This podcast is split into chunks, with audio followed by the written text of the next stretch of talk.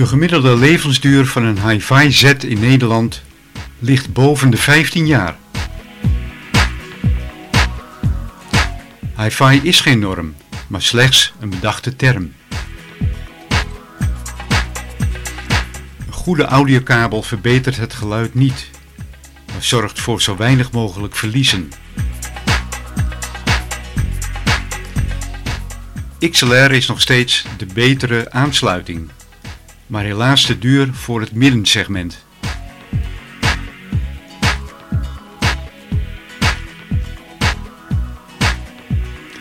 En in een digitale kabel worden de eentjes en nulletjes nog steeds analoog vervoerd.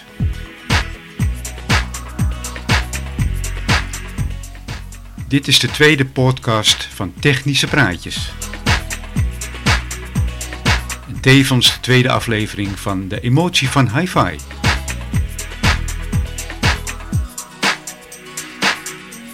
Met natuurlijk onze gast, de audiofiel, de kabelgek, de faseverschuiver, high-ender,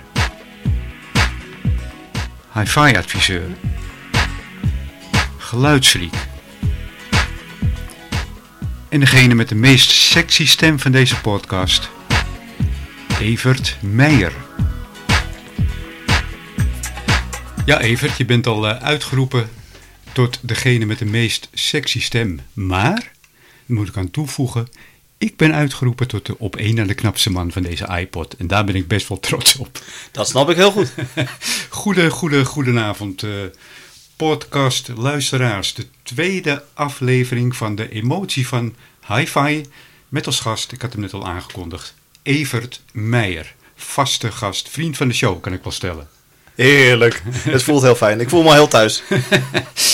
Ehm, ten eerste bedankt voor alle mooie complimenten. Het was boven verwachting eh, wat, eh, wat de complimenten betreft. De e-mail, de e-mailbox zat niet propvol, maar er werden aardig wat e-mailtjes verstuurd met allemaal leuke mailtjes, complimenten. En eh, ja, eigenlijk moet ik er even een paar tussen uithalen, want we moeten ook een paar vragen beantwoorden. Ehm, laten we daar maar gelijk mee beginnen. Eh, de eerste is van, even kijken hoor, Peter van der Stelt uit Utrecht. En Peter, jij mailde het volgende. Eh, goede podcast, luchtig en begrijpelijke taal, informatief en zinnig. Nou, dat eh hè, complimenten. Dat is heel leuk om te horen. Ja.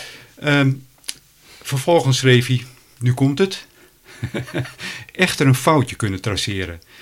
Evert zegt op een gegeven moment dat Blue Sound een dochteronderneming van Quad is. Dat moet natuurlijk NED zijn. ja. Ik heb het Nou. teruggeluisterd, Evert, klopt inderdaad. Slip of the Tong. tong.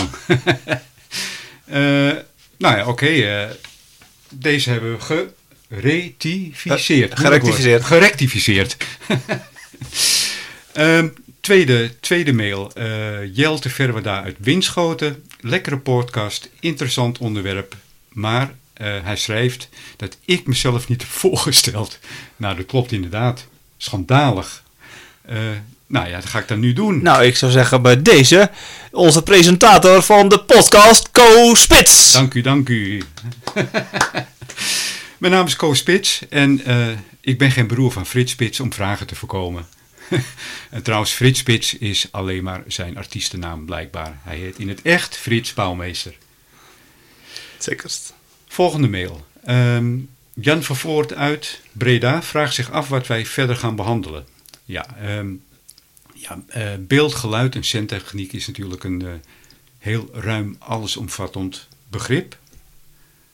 Ehm, ja, het kan zo zijn dat we bijvoorbeeld de eerste drie uitzendingen over hi-fi hebben. Eh, de vierde uitzending over tv-techniek, waarin we praten over OLED, QLED, LED, LCD, plasma, noem maar op. Eh, de vijfde uitzending zou bijvoorbeeld over home cinema systemen kunnen gaan. En de zesde zou het vierde deel over hi-fi kunnen zijn. Dus eh, eh, eigenlijk is onze podcast verdeeld in zeg maar subonder, subonderwerpen. Ehm, ook centamateurisme en fotografie zou bijvoorbeeld een onderwerp kunnen zijn. Nogmaals, het is een heel ruim allesomvattend begrip. We gaan ook op locatie opnemen, dus alles is mogelijk. En ja, Evert, ik ben nog eh, in zware onderhandelingen, contractonderhandelingen met Evert bezig. Ehm, maar hij zou dus de sidekick kunnen worden in alle podcast. Maar eh, ik kom er nog niet uit met hem. nou, we gaan het afwachten uh, waar we op uitkomen. het lijkt me wel heel leuk. Dus, maar we gaan zien waar het op uitkomt. Waar het schip strandt. Inderdaad. Goed. Um, Evert, hoe heb jij het ervaren? Ik vond het zelf erg leuk om te doen. Het was heel sfeervol, informatief om te, te, te kunnen vertellen. maar daarna, daarnaast ook heel gezellig en heel, heel leuk, nogmaals heel leuk om te doen. Ja. En complimenten heb je ook? Ik heb zelf ook complimenten van anderen gekregen. En dat voelde ik als ja, echt wel dankbaar en eervol van ons werk. Ja, dat vind ik ook. En ja. dat, dat geeft weer de drijf om... Een volgende opname te maken. Precies, ja. Um, het verschil van met vorige keer is dat we nu ook op iTunes zitten. En dat vind ik wel een dingetje. Want ik heb zoiets als als je op iTunes zit, dan heb je een echte podcast. Ja, dan uh, zijn we er helemaal klaar voor. dus we zitten vanaf, nu, vanaf, he, vanaf heden ook op iTunes. Um, dat even ter informatie. Um, goed. Vorige, in de vorige podcast hebben we niet alle bronnen benoemd. Um, alle bronnen die uh, we kunnen gebruiken om muziek uh, aan te kunnen sluiten op een versterker. Aan te kunnen sluiten op een versterker. De vorige keer hebben we ons natuurlijk eigenlijk bezig gehouden. Wat is de kracht van je speaker gecombineerd met de versterker en hoe bepalend is die combinatie? En toen zei ik al, je kan de verschillende bronnen op aansluiten. Precies. En die bronnen die gaan we nu behandelen. Inderdaad. um, Evert Steek van Wal. De eerste bron. De eerste bron, mijn grote fan, uh, waar ik heel veel gebruik van maak, is de platenspeler. Ik draai regelmatig plaat. En de plaatspeler bestaat eigenlijk al heel erg lang. In eerste instantie is hij begonnen als een soort fonograaf. En dat was eigenlijk dat je meer een naald kreeg eh, die ook wel aan een arm zat. Eh, maar dat was meer een stalen pen. En nou, dan moest je elke plaat die je gedraaid kon je de naald weer vervangen. Nou, dat schiet niet echt op. Wel, een, uh, wel een goede zaak voor tonaar bijvoorbeeld. Ja, die zal uh, goed heb, binnenlopen. Ik heb het weekend een feestje, doe maar 20 naalden. Ja, zoiets. dan uh, lopen ze lekker binnen. Nou ja, als we wat later in de tijd gaan kijken, na de Tweede Wereldoorlog, kregen we de keramische naald-elementen, zeg maar. maar dan praat je nog steeds over een naalddruk van 10 tot 12 gram. nou, als dat met tegenwoordig vergelijkt, vergelijkt van ongeveer anderhalf tot 2 gram, uh, dan is dat heel erg veel. En je merkt ook tot vroeger de platen dus enorm hard sleten. Uh, tegenwoordig heb je de twee soorten elementen die het meest bekend zijn. De MM-elementen. Uh, dat is nu de bekendste naam. Dat werd vroeger de macrodynamische elementen genoemd. dat is eigenlijk een, zeg maar een spoeltje, een vast spoeltje dat dan, waar magneetjes omheen bewegen. En de andere die heel bekend is, dat is eigenlijk wat luchter vluchtiger elementje, om maar zo te zeggen. Daardoor kan je hem wat verfijnder afstellen. Je hebt meer mogelijkheden om af te stellen. Dus die wordt meest gezien als uh, gemiddelde wel degene waar de liefhebbers van met apparatuur het meest mee bezig zijn. De MC-elementen. Dan is het eigenlijk een uh, vaststaand magneetje waar de spoeltjes omheen draaien. MC is, staat voor moving coil. coil. Inderdaad. spoel, ja. Dus dat spoeltje dat gaat dan heen en weer in plaats van het magneetje, begrijp ik. Ja. ja. Maar de, dat spoeltje is dus lichter. Dat is lichter, ja. Lichter dan het magneetje. Ja. Nou, vandaar. En, dat het... en daardoor kan je uh, meer, meer schakelingen maken. Ook uh, in de volversterker heb je vaak meer mogelijkheden ja, om daarin te schakelen. Maar omdat het spoeltje lichter is, uh, pikt hij dus de signalen zeg maar nauwkeuriger, sneller op, denk ik. Ja, gevoeliger. Het is gevoeliger en het kan meer uh, ja, kleine variaties ont, ont, ont, ontwikkelen. En en daarom klinkt het ook beter. Ja, het, klinkt vooral, uh, het wordt gezien als een, een, een flexibele mogelijkheid om je platen te kunnen be beluisteren. Oké. Okay. En prijsverschil? Uh, ge, de, gemiddeld zijn de MC-elementen wel wat duurder. Uh, dus dat blijft altijd wel een segment dat wordt, meestal gebruikt wordt in de luxere draaitafels. Oké. Okay. En is elke versterker geschikt voor een MC-element of heb je daar dan een aparte voorversterker voor nodig? Meest, de meeste versterkers die al een aansluiting hebben, is meestal alleen MM. Een hele enkele keer is het ook toevallig MM als MC. Dat ze eigenlijk de tweede, twee combinaties okay, maar, pakken. Maar dat, dat moet hem wel geschakeld worden. Dat, dat zit dan in de versterker er zit dan een schakelaar op okay. die je dan moet kunnen omzetten. Want anders kan het inderdaad niet. Nee. Eh, mocht de versterker helemaal geen mogelijkheid hebben, dan komt er in dat geval natuurlijk altijd uh, zo en zo een los kastje ervoor. En dat kan van klein tot steeds wat groter en uitgebreider zijn. Oké, maar er zijn ehm, ook draaitafels met een ingebouwde uh, fonoversterker. Dus die geven al op zich een line-out. Ja, dan is eigenlijk de omzetting wordt dan in de draaitafel al voor, voorzien. En dat uh, zie je in de, de laatste jaren natuurlijk vooral in de wat meer commercieel low-end draaitafels. Dat je eigenlijk een soort plaatspeler met USB hebt. dat je het ook kan digitaliseren naar de computer. Want dan, ja, dan moet die omzetting er wel in zitten, anders kan de computer er niks mee. Nee, Oké, ik hoor nou low-end. Dat hadden we vorige keer nog niet besproken. Nee, nee klopt. High-end en low-end. Interessant. Ga door, sorry. Nee, geef niet. Um, en er zijn er heel veel merken die uh, al jaren elementjes maken en nog steeds heel vaak leefbaar zijn. Uh, bekende zijn uh, Stanton, die in de DJ-wereld veel gebruikt wordt. In de jaren 80 is de plaatspelerindustrie eigenlijk heel ver weggezakt, behalve onder de DJ's. daar is het blijven hangen. maar inmiddels in volle glorie is de plaatspeler terug. En zo zijn er dus daarnaast nog steeds elementen verkrijgbaar van Bang Olufsen, Shure, Rega, Audio-Technica, Ortofon, Dual, Philips, Pickering, Technics, Sony en sommige merken noemen we ook wel Kenwood. Um, en zo zijn die merken nog steeds over het algemeen leverbaar. Dat is even het stukje wat ik in het kort wou benoemen over draaitafels. Het enige stukje wat misschien nog leuk te vermelden is, je hebt heel vaak bij de arm te maken met een uh, kromming in de arm. Uh, en er zijn ook fabrikanten die hebben gezegd, nou, om de foutcorrectie die ontstaat door, door een arm, uh, krijg je altijd een foutcorrectie. En die probeer je zo klein mogelijk te maken. De tangentiale arm, waaronder Bang Olufsen daar heel bekend mee geworden is, ja. die gebruikt dus een rechterarm. Technics zat er ook heen, hè? Technics is er een. Er zijn meer uitzonderingen, maar de meest bekende, het meest bekende merk die daar zich in gespecialiseerd had, was Bang Olufsen. Hm. Oké, okay, um, CD-speler, wat kan je daarover vertellen? Ja, de CD-speler is natuurlijk een medium wat dus na de plaatspeler ontwikkeld is. Eigenlijk ja. uh, is eigenlijk de CD-speler ontwikkeld uh, in 82. Ja. Uh, toen kwam in Japan op de markt. 83 kwam, zagen we in Nederland naar voren komen als de Philips CD100. De meest bekende CD-speler van die tijd. Um, en sommige mensen zijn nog steeds heel erg fan van die speler. Sommigen hebben hem zelfs nog. Um, en je merkt gewoon tot, ja, tot eigenlijk een, een digitaal variant is van eindelijk ben ik van de kraakjes en tikjes af. ja. En dat was eigenlijk het idee van je hebt nu een compact klein schijfje wat flexibel is, uh, neemt meer opslagruimte in. Je kan veel meer informatie natuurlijk op een cd. En de cd was voor die tijd enorm groot. Ja. De meeste CD, platen was 22, 23 minuutjes per kant. Ja. En we gingen nu opeens naar 79, 80 minuten per kant. In het begin was het iets minder nog. Was het 70, 75 minuten hm. per cd. En dat was dus ja, uniek. Uh, je had een veel hoger dynamisch bereik. Uh, dus je kon veel meer compressieloos op, uh, opnemen eigenlijk. zonder fouten. Ja, in het begin werd het nogal tegengehouden door de audiopuristen, zeg maar. Hè? Ja, die, die... want als je in het begin keek wat natuurlijk CD was, was natuurlijk wat het, het, het, principe was zo stil mogelijk en zo strak mogelijk het geluid neerzetten. Ja. Maar daar werd het soms ook wel heel erg klinisch van. ja. En dat was in het begin tot mensen zeiden: de CD klinkt wel heel erg koud vergeleken met de warm kleurige CD uh, geluid, geluidskwaliteit en klank ja. van de plaat. Oké. Okay. Um, ja, wat hebben we nog meer voor bronnen? Uh, tuner, radiotuner ja. niet te vergeten. Onze ouderwetse FM-tuner, bijna ja. kunnen we zeggen ouderwets. Ja, FM-tuner, een analoge FM-tuner. Uh, meestal uh, twee banden, middengolf en FM. Maar het ging natuurlijk om het FM-gedeelte.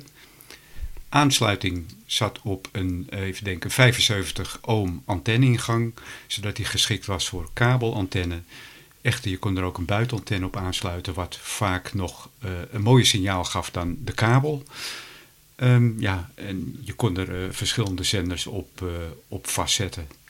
Dat is eigenlijk wat ik kwijt wil over de tuner. Ja, wat ik nog wel eens bij een tuner heb gezien, wat ik zelf niet helemaal durf te zeggen. Ja. Wat dat, die variant voor mogelijkheid extra geeft, die had natuurlijk 75 ohm. Dat 75 ohm, dat de meest bekende uh, aansluiting was. Ja. Op sommige tuners zag ik ook wel eens 300 ohm staan. Klopt, ja, klopt, ja. Dat, dat, dat was voor andere kookskabel. Kijk, je hebt kookskabel van 75 ohm, maar je hebt ook een lintkabel. En dat, eh, dat bestaat uit twee kabels eh, die naast elkaar lopen. En ehm, dus geen afgeschermde kabel, maar eigenlijk een open lijn. En dat was een ouderwetse 300 ohm aansluiting. Oké, nou weer wat geleerd. Dat Ja. had ik zelf nog niet eerder gezien. En vandaar dat ik dacht, nou, ik ben er nu toch, kan ik ook een vraag stellen. Precies. Ehm, ja, tuners verschilden eh, maar weinig van elkaar. Hooguit in het, eh, in het ontvangstgedeelte. Ehm, de ene was bijvoorbeeld eh 1,3, eh, ge- had bijvoorbeeld een gevoeligheid van 1,3 microvolt, de ander van 1,6. Eh, op zich scheelde het niet zoveel van elkaar. Ehm, de ene had een wat zwaardere S-meter dan de andere, meter, dan de andere tuner. Eh, dat wil zeggen, de S-meter die gaf aan hoeveel procent de zender binnenkwam. Maar voor de normale gebruiker was het allemaal niet zo interessant.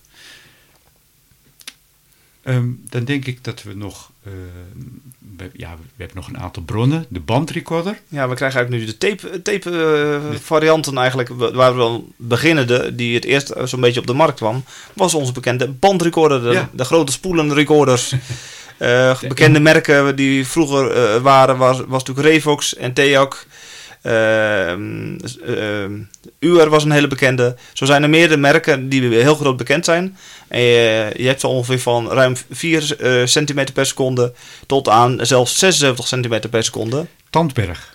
Tonberg was nog een bekende, die ben ik vergeten. Akai. Eh Akai, ja inderdaad. Dus, eh, zo zijn er nog een aantal bekende grote merken. Maar Revox hadden we genoemd. Hè? Revox Ja. hebben we al genoemd. Eh, m- maar de meeste recorders die gebruikt werden voor de consumentenindustrie... eh, v- varieerden tussen de 4, 3 kwart en 19 centimeter per seconde.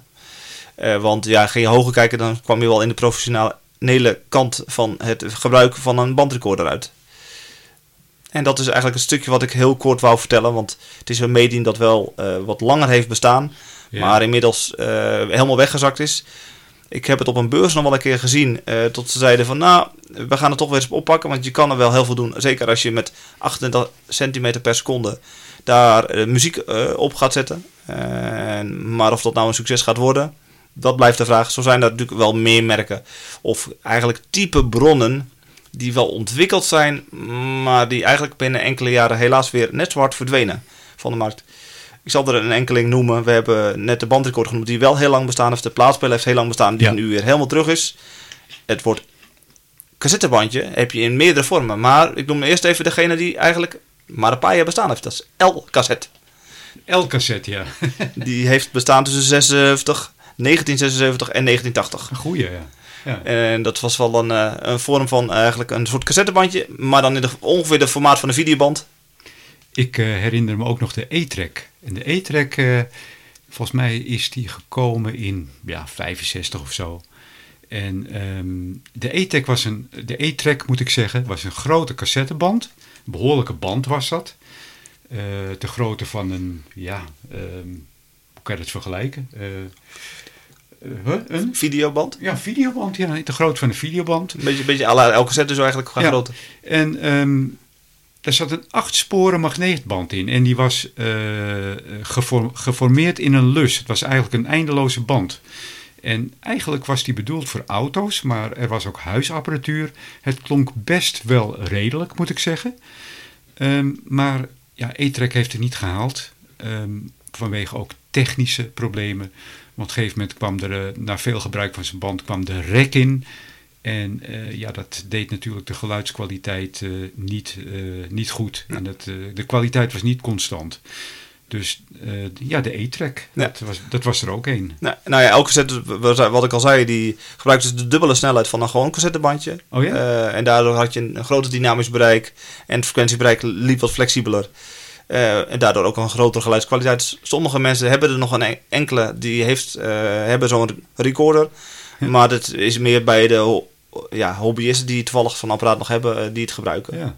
Nou, en En dan hebben we natuurlijk het cassettebandje zelf. Ja, het eh cassettedek of de cassette recorder, hoe je het ook wil noemen. En het was eigenlijk een compact alternatief voor de, voor de grotere bandrecorder. Ehm, net als een bandrecorder eh gebruikt het cassettedek een magnetische band als gegevensdrager. De band zat in een kunststof houder, wat robuust was natuurlijk. En makkelijk voor vervoer door zijn afmetingen. Want de afmetingen van zo'n cassettebandje nou, was de grootte van een pakje, pakje sigaretten. Ja. Dus het was makkelijk mee te nemen. En dat was toch wel een succes. Ja, nee, en, zeker. En het schijnt weer terug te komen. Maar Daar, er wo- worden meerdere dingen over gezegd. het wordt Sommigen meer gezegd. zeggen- ja. ja, er worden meerdere dingen genoemd. Maar er worden wel bandjes verkocht weer. Ja, ja. er worden wel weer verkocht. Mensen Ja. vinden het toch heel leuk. Het is toch iets nostalgisch. Ja. Eh, in de jaren negentig is er ook weer een tijdje dat cassette in een bepaalde vorm ook weer heel populair was. Alleen dan in een digitale vorm. Ja. De DCC. En net zo groot als een cassettebandje. Alleen, Lijkt, lijkt op BCC. eh, ja, maar dit is toch een, een, een digitaal eh, medium die eigenlijk eh, een, een signaal digita eh, digitaal eh, overdraagt. We, eh, en dan zeg maar in een eh, 16 bit, wel 16 eh, maar dan 48 waar- kilohertz. Waar stond DCC voor? Digital wel cassette? compact cassette. Compact cassette, oké. ja.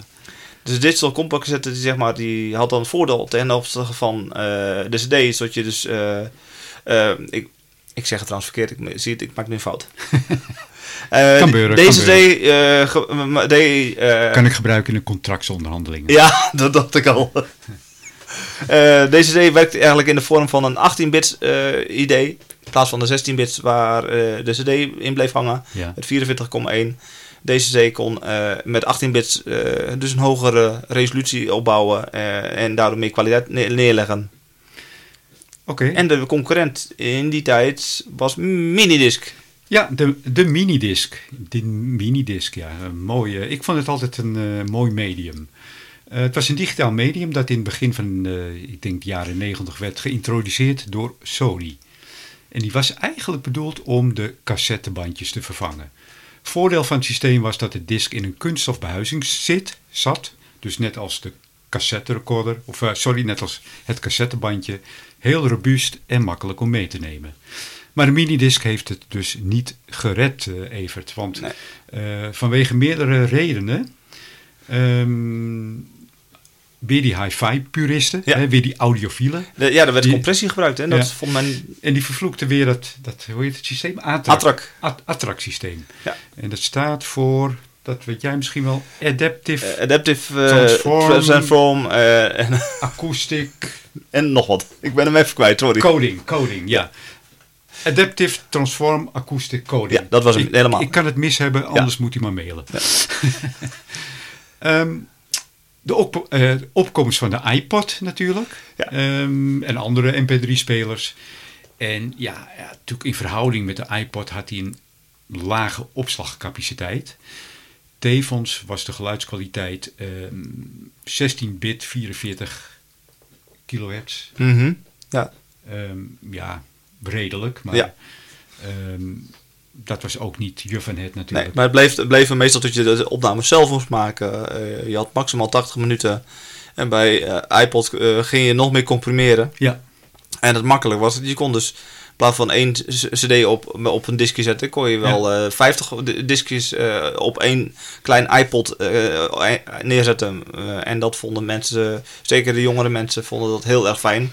Afhankelijk van de grootte van de eh, iPod, hè? Ja, da- da- daar verschilde. Vroeger Ja. had je natuurlijk heel veel variaties in iPods. Ja. Van eh, ik geloof 4 eh, gigabyte tot eh 64, 16, gi- 16 64. 64 ja. gigabyte. Eh, en daardoor konden de mensen toen de tijd lokaal hun muziek dus eh, via de PC downloaden. En via iTunes eh, ging dat vaak. Eh, en via iTunes kon je dan de muziek synchroniseren met je iPod. En dan konden de mensen dat lekker onderweg beluisteren. Ja. Dan hadden we nog de DAT recorder. Ja, de dat recorder was ook nu een medium wat eigenlijk half meer bij de pro-kant is blijven steken. Datja. Ja, inderdaad, dat. Ah.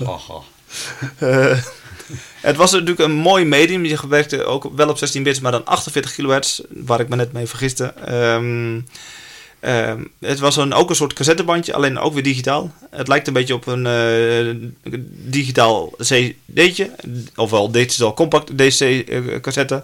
Eh, alleen deze was dan no- nog kleiner en had de voordelen dat je heel makkelijk heen en weer kon spoelen op vrij, hoge snelheden. Ehm, en een hogere kwaliteit.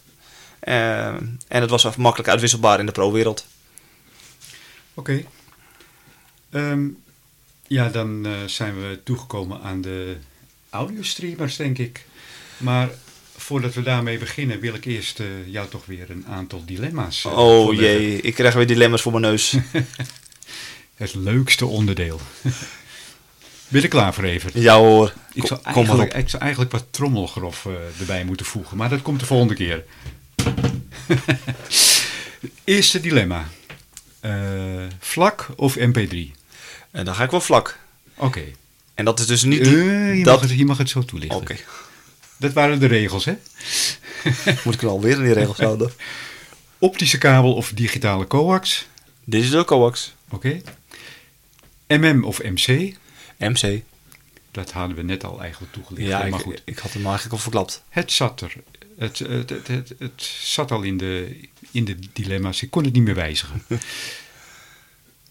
De volgende is een leuke. Hou je vast. Van der Hul of ander mooi spul? Nou, dan ga ik voor ander mooi spul. Oké. Bekabeld of draadloos? Bekabeld. Want anders heb ik niks aan die, al die kabels. iPod of podcast?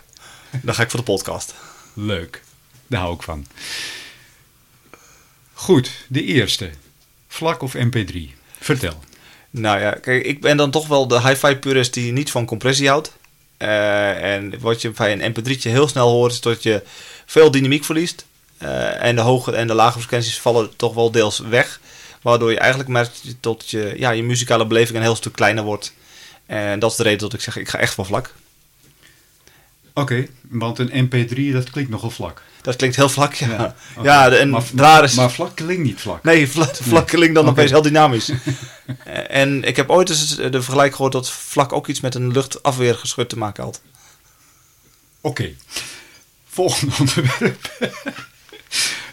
Optische kabel of digitale coax? Eh, ik denk dat dit een heel interessant is. Ja. Ook voor eh, onze luisteraars. Ehm, is dit een goede vraag? Wat is nu beter? Of in welk geval moeten we optisch gebruiken? In welk geval digitaal? Evert kan eh, ons helpen. Ja, ik, eh, eh, ik gebruik bij korte afstanden het liefst een coax-kabel. Ik zeg altijd, bij, als je een optische kabel gebruikt in een korte lengte, heb je niet echt te maken met ze verliezen door zeg maar afscherming. Dat heb je op lange lengtes dus wel, waardoor ik dus eigenlijk zeg, bij lange lengtes liever optical. Want dan heb je tenminste eh, gewoon veel minder last van allerlei storingen van buitenaf. Maar bij korte afstanden, zo- zoals ik eerder zei, merk je wel dat er twee keer een omzetting plaatsvindt. Eigenlijk van een, eh, zeg maar een elektronisch signaaltje naar een lichtsignaal en weer vice versa.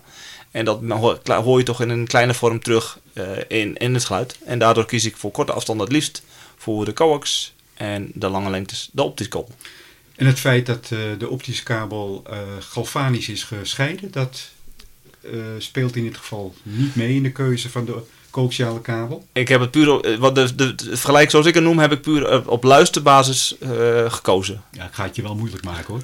Mag horen, kijk, ik, ik, ik denk dat de scheiding zeker wel eh, een voordeel heeft, maar ik denk dat je die scheiding dus eh, duidelijker hoort op lange afstanden. Oké, oké. Volgende di- eh, dilemma. Van de Hul of ander mooi spul? Ja, dat is zoiets van, Van Hull is absoluut wel, zijn het mooi, is het een mooi merk van kabels, maar er zijn natuurlijk veel meer kabels, merken. Als je gaat kijken hoeveel merken kabels er bestaan, als ik dat aan de gemiddelde consument zou uitleggen, of de gemiddelde eh, persoon die iets met hi-fi doet, er zijn er sommige die kunnen drie, vier merken noemen, vijf merken, en dan houdt het vaak wel op. Maar ik denk dat ik als ik eh, alle merken nu op een lijstje noem, dat ik bij 50 nog niet klaar ben. Oké. Dus ehm, er is meer dan Van de Hul. Absoluut. En daardoor noemde ik alle merken, eh, de andere merken ander leuk spul. Dat ik meer zeg van, ja, het vonden dus mooi. Maar er zijn zeker ook andere merken die heel goed zijn. En de een zal anders klinken, en beter klinken of verfijnder klinken. Oké. Het is net als wat ik vorige keer al zei. Dus het- Het gaat om de match tussen de componenten. Dat is het gedeelte wat we dus vorige keer Ja. eh, hebben behandeld. Ja. Mooi. Bekabeld of draadloos? Ja, als ik eh, al het spul aan de kant moet vegen, dan ga, eh, zeg ik eigenlijk, eh, zit ik mezelf klem. Als ik nu zeg, ik ga voor draadloos. Nee, ik, ik ga echt voor bekabeld. Ik Want dacht, ik heb hem, maar weer niet gelukt. Nee, een bekabelde variant zeg ik toch al. Je hebt minder last van storingen. Eh, je hebt een eh ja, zuiverder overdracht. Eh, ik zeg al, draadloos kan je wel dingen doen. Maar je moet wel dan, ben je wel afhankelijk van de omstandigheden. En dat is meer de reden dat ik zeg van... Bij kabels heb je minder nadelen van de, de kans op storing. Ja, kortom, ik denk dat het een goede stelling is. Alles wat je kunt bekabelen, moet je gewoon bekabelen. Klaar. Inderdaad. Ja. Ja. Volgende dilemma en de laatste. iPod of podcast? Ja, ik ga voor de podcast. Ik vind het zo gezellig om hier te zitten. Ja, En ja, ik zeg altijd over hi-fi praten, daar raak je niet over uitgepraat. En ja, bij een iPod eh, kom ik niet aan bod. je kan wel tegen een iPod gaan praten, maar hij praat ook niet terug. Nee, dat is net, zo, net, net zoiets als een robot. Oké, nou dat waren de dilemma's. Je bent er weer eh, goed doorheen gekomen, Evert. Dat was weer prettig. Ja, zeker. Ehm, ja, we hadden nog één bron openstaan, hè? Letterlijk. Ja, de streamer. De streamer. Het moderne apparaat wat iedereen omarmt. Zoals jij in de vorige podcast al zei, à la streaming. ja, Vond ik een leuke. Ja. Ehm, wat verstaan we onder streamen? Laten we daar eens over beginnen. Als je streamen letterlijk vertaalt, dat betekent stromen. Ja. Dus de informatie stroomt binnen. Eh, vroeger moest je voor muziek, wat heet vroeger? Eh, voorheen moest je voor muziek te luisteren de media kopen of je kon het downloaden. Nou, wat, eh, bij, downloaden sla je de mediabestanden op op je schijf. Zo kun je deze laten beluisteren, en maar dit kost opslagruimte. En ik denk dat een gemiddeld MP3-bestandje, wat niet te adviseren is, een MP3-bestandje, maar goed, een gemiddeld MP3-bestand, eh, dus één muzieknummer, ja, dat is al gauw 8 of 10 MB groot. Ja. Dus dat kost gewoon opslagruimte. Ja, kijk, eh, waarom was MP3 natuurlijk vroeger ook heel bekend en ook heel populair? Vroeger hadden we natuurlijk een PC waar zeg maar een gigabyte op informatie op kon, of 10 gigabyte. Nou, dat was toen al heel veel. Als je het nu eh, tegen gemiddeld iemand zegt 10 gigabyte harde schijf, dan lachen ze vierkant uit. Ja. Daardoor was de MP3 natuurlijk ook gekomen. Eh, zo kon men veel muziek op een harde schijf zetten. En waardoor is eigenlijk het medium eh, verder ook ontwikkeld dat je het liefst zo compressieloos wil opslaan. Als je nog over opslaan praat met de streamdiensten die ook nog bestaan. Ja, de harde schijven en de computer zijn zo snel geworden om de informatie binnen te halen. Tot het eigenlijk heel makkelijk gaat om je muziek zo compressieloos mogelijk binnen te halen. Ja. Ehm, het, eh, het verschil met streamen. Eh, met streamen hoef je niet meer te wachten dat je download klaar is. Nee, kijk, het- eh, bij, een st- een stream, bij het streamen, zoals een YouTube-filmpje of eh, je pakt Spotify, dan wel de compressie van of Tidal, dan merk je gewoon, je, klikt een nummer aan, de computer is zo snel geworden dat hij eigenlijk een stukje van de muziek in een klein buffertje opslaat.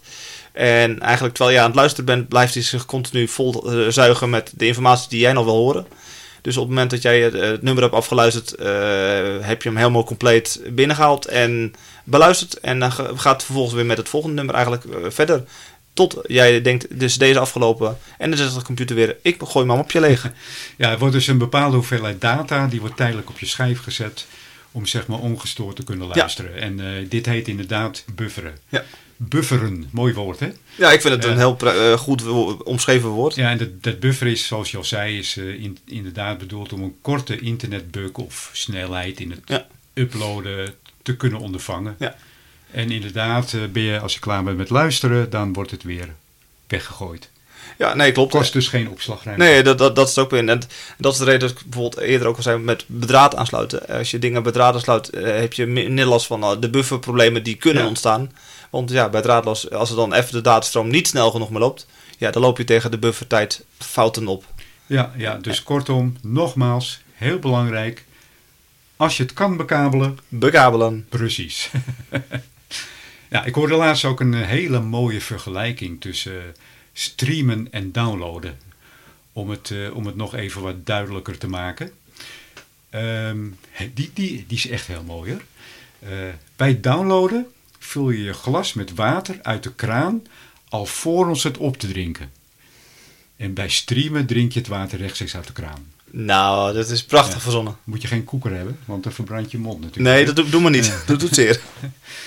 Ehm, ja, dat is een mooie vergelijking. Ja, ik vind hem heel Ja, mooi. Ja.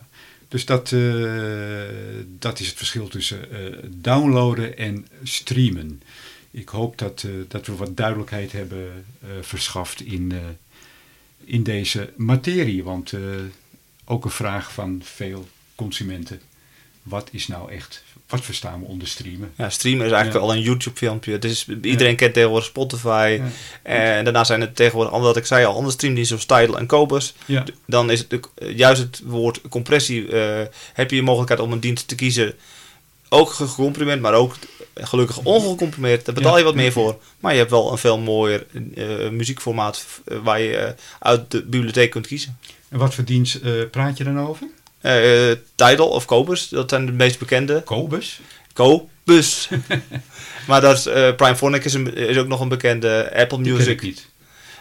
Zo, zo zijn er meerdere streamdiensten die bestaan. Ja. Deezer. Spotify, Spotify is natuurlijk de allerbekendste. Dat klopt. daarom, daar Ja. zitten wij ook op, hè? Ja. ja. Apple Music had je al genoemd, hè? Apple Music heb ik ook genoemd, Ja. zeker. Eh, maar eh, van al deze streamingdiensten zijn dus Tidal en Kobus Dat zijn de meest bekende in de Nederland. meest bekende met een hogere, Hogere CD, zeg maar CD-kwaliteit. Hogere bitrate. Eh, Hogere Ja. bitrate, ja. ja. En die zijn natuurlijk wel aan te bevelen als je een goede, mooie, zuivere installatie hebt Ja. staan. Absoluut. Ja. Nou, bij audiostreamen, wat kan je daar allemaal beluisteren? Inderdaad, die streamingdiensten. Ehm, maar het is wel eh, belangrijk, daar komen we zo op terug, dat je audiostreamer geschikt is voor zo'n dienst. Ja. Dat- nee, klopt. Ja, je hebt, je hebt verschillende eh, connecties van apparaten waar je muziek mee kan afspelen. Je eigen PC kan natuurlijk eh, dingen oppakken. Ja. Maar ja, dan moet je per se op een versterker aansluiten. Dat wil niet iedereen. Ja, Dus je, de grote bekende eh, de streamfabrikant die ontstaan is al heel lang geleden. Inmiddels kan je wel zeggen lang geleden. Is Sonos. Eh, daarnaast zijn er latere merken bijgekomen zoals Blue Sound en Heos. komen we zo nog even op terug. En zo zijn er nog Ja. meer merken inmiddels hoor. Maar dat zijn er wat bekendere productfabrikanten die een product hebben ontwikkeld waar mensen met een flexibele, op een flexibele manier hun muziek kunnen afspelen en dan op een versterker kunnen aansluiten. Ja. Internetradio is ook een van de facetten van eh Ja. audiostreaming. Het hoort ook bij streaming. Eh, de bekende TuneIn. Ja. En eh, ja, wat is internetradio? Internetradio is, is als het ware de wereldomroep in een, in een notendop. Ja. Je kan wereldwijd kan je, stations beluisteren in hi-fi kwaliteit. Ja. Mm, ja, het is hoor, wel- die, hoor die die knalt er al? Ja, dus het is Ja. wel gecomprimeerd, maar het is, eh, ja, mensen zien het wel als zijnde gemak vooral. Het is een gemaksfunctie. Je kan Ja. overal de, op de wereld je muziek vandaan halen. Ja. Eh, of een zender uit- uitzoeken dat je zegt, hé, hey, daar heb ik nu op dat moment eh, behoefte aan. Ja. Ehm, je kan eh, natuurlijk ook je aangekochte muziekdownloads eh kan je beluisteren. En dan ben je ook aan het streamen. Ja, Ja. ja. dat is eigenlijk eh, je gekochte materiaal of je opslagen Ja. muziek. Dat, dat wordt vaak dan in het woord bibliotheek genoemd. Ja, of je, je eigen gripte cd's, hè, bijvoorbeeld. Ja. Ehm, de bestandsformaten. Wat voor bestandsformaten hebben wij, eh, Evert, op dit moment? Althans, wat zijn de belangrijkste? Ja, de, de meest gebruikte die eh, compre- zo compressieloos mogelijk eh, je muziek kunnen afspelen, is vlak. Oké, Eh, daarnaast gebruikt Apple dan weer een, een, een va- een variant ervan, dat ook vlak wordt genoemd. eh, dat is AIFF. AIFF, ja. Ja. Eh, de meest gecompressieloze, me- die het, door de hi-fi-liefhebbers of meestal geprevaleerd worden, is het, het WAV-formaat. WAV. Ja, WAV-formaat. Waarom wordt dan toch vlak het Weet meest je- gebruikt? Weet je trouwens wat het betekent, WAF? En ik heb het wel gelezen, maar Ik weet hem. noteer maar. Waveform Audio Format. Wauw. ja, waarom kiezen dus toch de meeste fabrikanten toch voor vlak in plaats van WAV? Ook al is dat de meest hi-fi gerichte variant. Hm. Wat gebeurt er als je je bestand in een mapje hebt staan en je gaat een wave-formaat verplaatsen? Dan eh, onthoudt hij niet de tekst en eh, de muziek eh, houdt hij niet bij elkaar, maar die laat hij uit elkaar vallen. Ofwel, je hebt je muziek verplaatst, maar daarna ben je alle informatie kwijt. Wat er bij hoort. Dus je hebt weer eh 100 albums met allemaal 0 tot 10. Hm. En je weet niet welk album welk album is. Oké. En dat is een beetje erg onhandig. Ja. Dus daardoor kiezen de meeste bedrijven voor vlak als zijnde het besturingssysteem. eh, of het besturingssysteem, eh, het formaat om je muziek eh, te kunnen eh, rippen als ze kunnen verplaatsen. Nou, dan heb je verder nog eh, MP3, AAC, eh, WMA, eh, Windows Media, eh, Audio, dacht ik. Ja.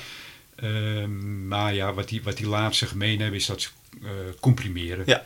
En dan eh, doe je concessies op je, uiteraard op je audiokwaliteit. eh, hoe kleiner het formaat, hoe meer concessies je doet. Zo simpel is het. Ja, nee, dat is helemaal waar. Oké, ehm, dat wat betreft de formaten. Ehm, we zeiden het net al, eh, er bestaan een eh, aantal eh audiostreamers op de markt en daar ging ik bijna. ik probeerde m- met mijn elleboog op de tafel te leunen en ik, eh, hij pakte niet helemaal, zeg maar. Eh, ik had eigenlijk een tangentiale arm moeten hebben. Ja, de, ta- de tafel liet je los. Ehm, Sonos, om mee te beginnen. Ehm, Die bestaat absoluut het langst. ja, eh, Sonos bestaat, ik denk 17 jaar. Ehm, opgericht door drie gasten. Ik weet niet meer waar. Dat moeten we nog eens opzoeken. In, in, Het is in in, Californië Ja, of zo? ja, het, is erg, het is in Amerika even opgestart. eh, Ja. En dat idee hebben ze daar bedacht. ja. En zij begonnen met eh, het idee van... eh, ik, nou, ik, ik, maak, ik ga een moderne manier verzinnen om muziek te kunnen verplaatsen... in plaats van alleen een iPodje...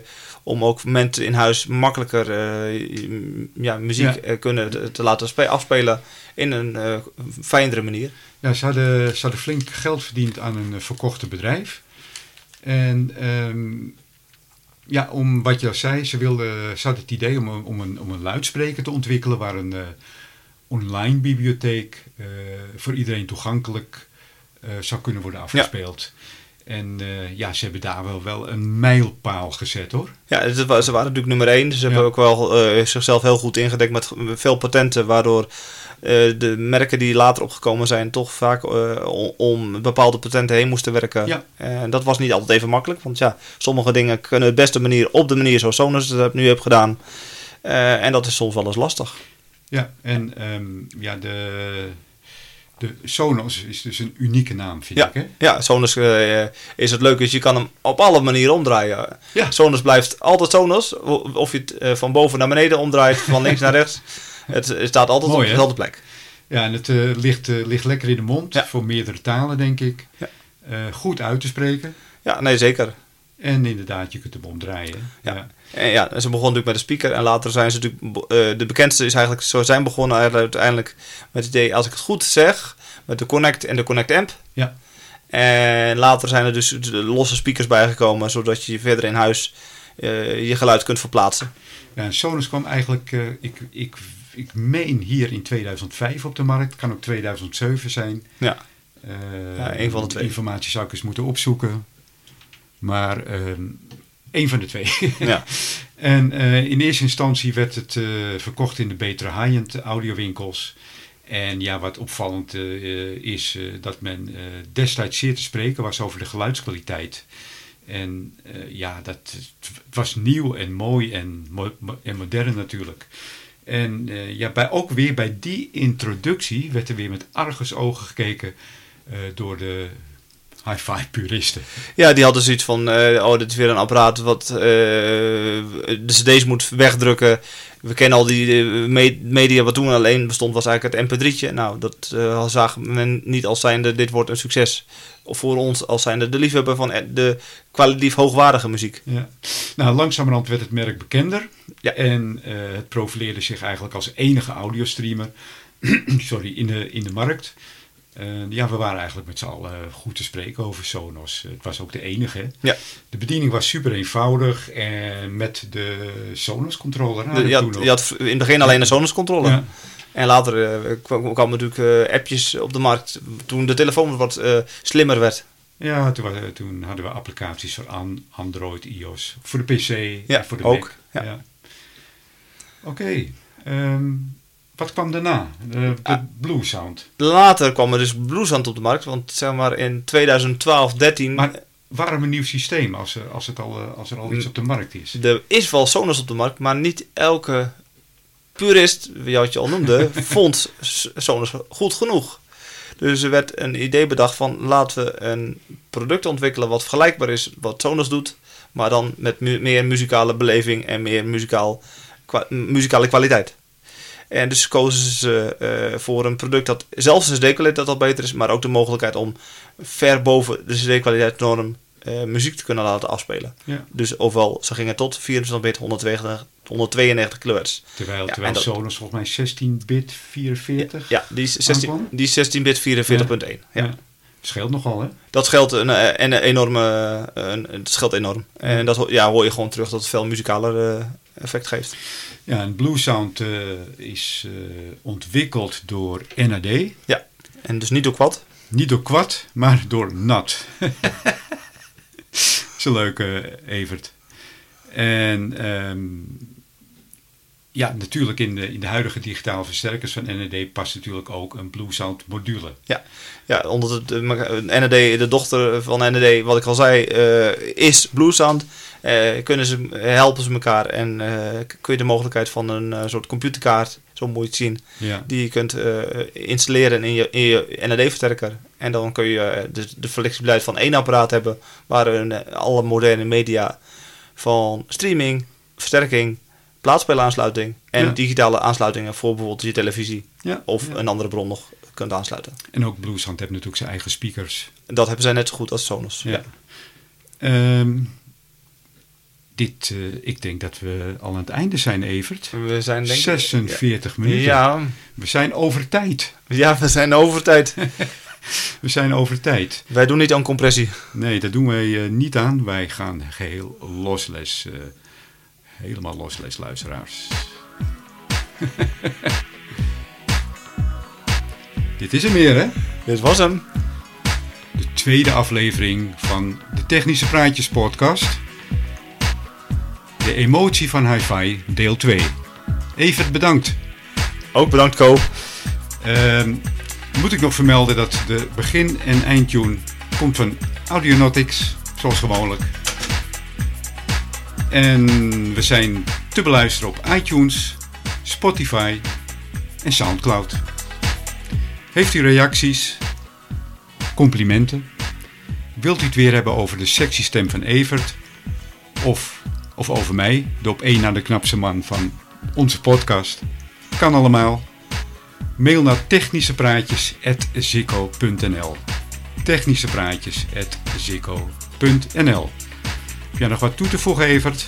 Eh, op dit moment niet, maar bedankt voor deze podcast deel 2, eh, waar de presentatie was van Co Spits. Dank je, Evert. Goed. Ik zou zeggen tot de volgende podcast. En nogmaals bedankt voor alle leuke reacties, complimenten. En eh, tot De volgende keer. bye bye.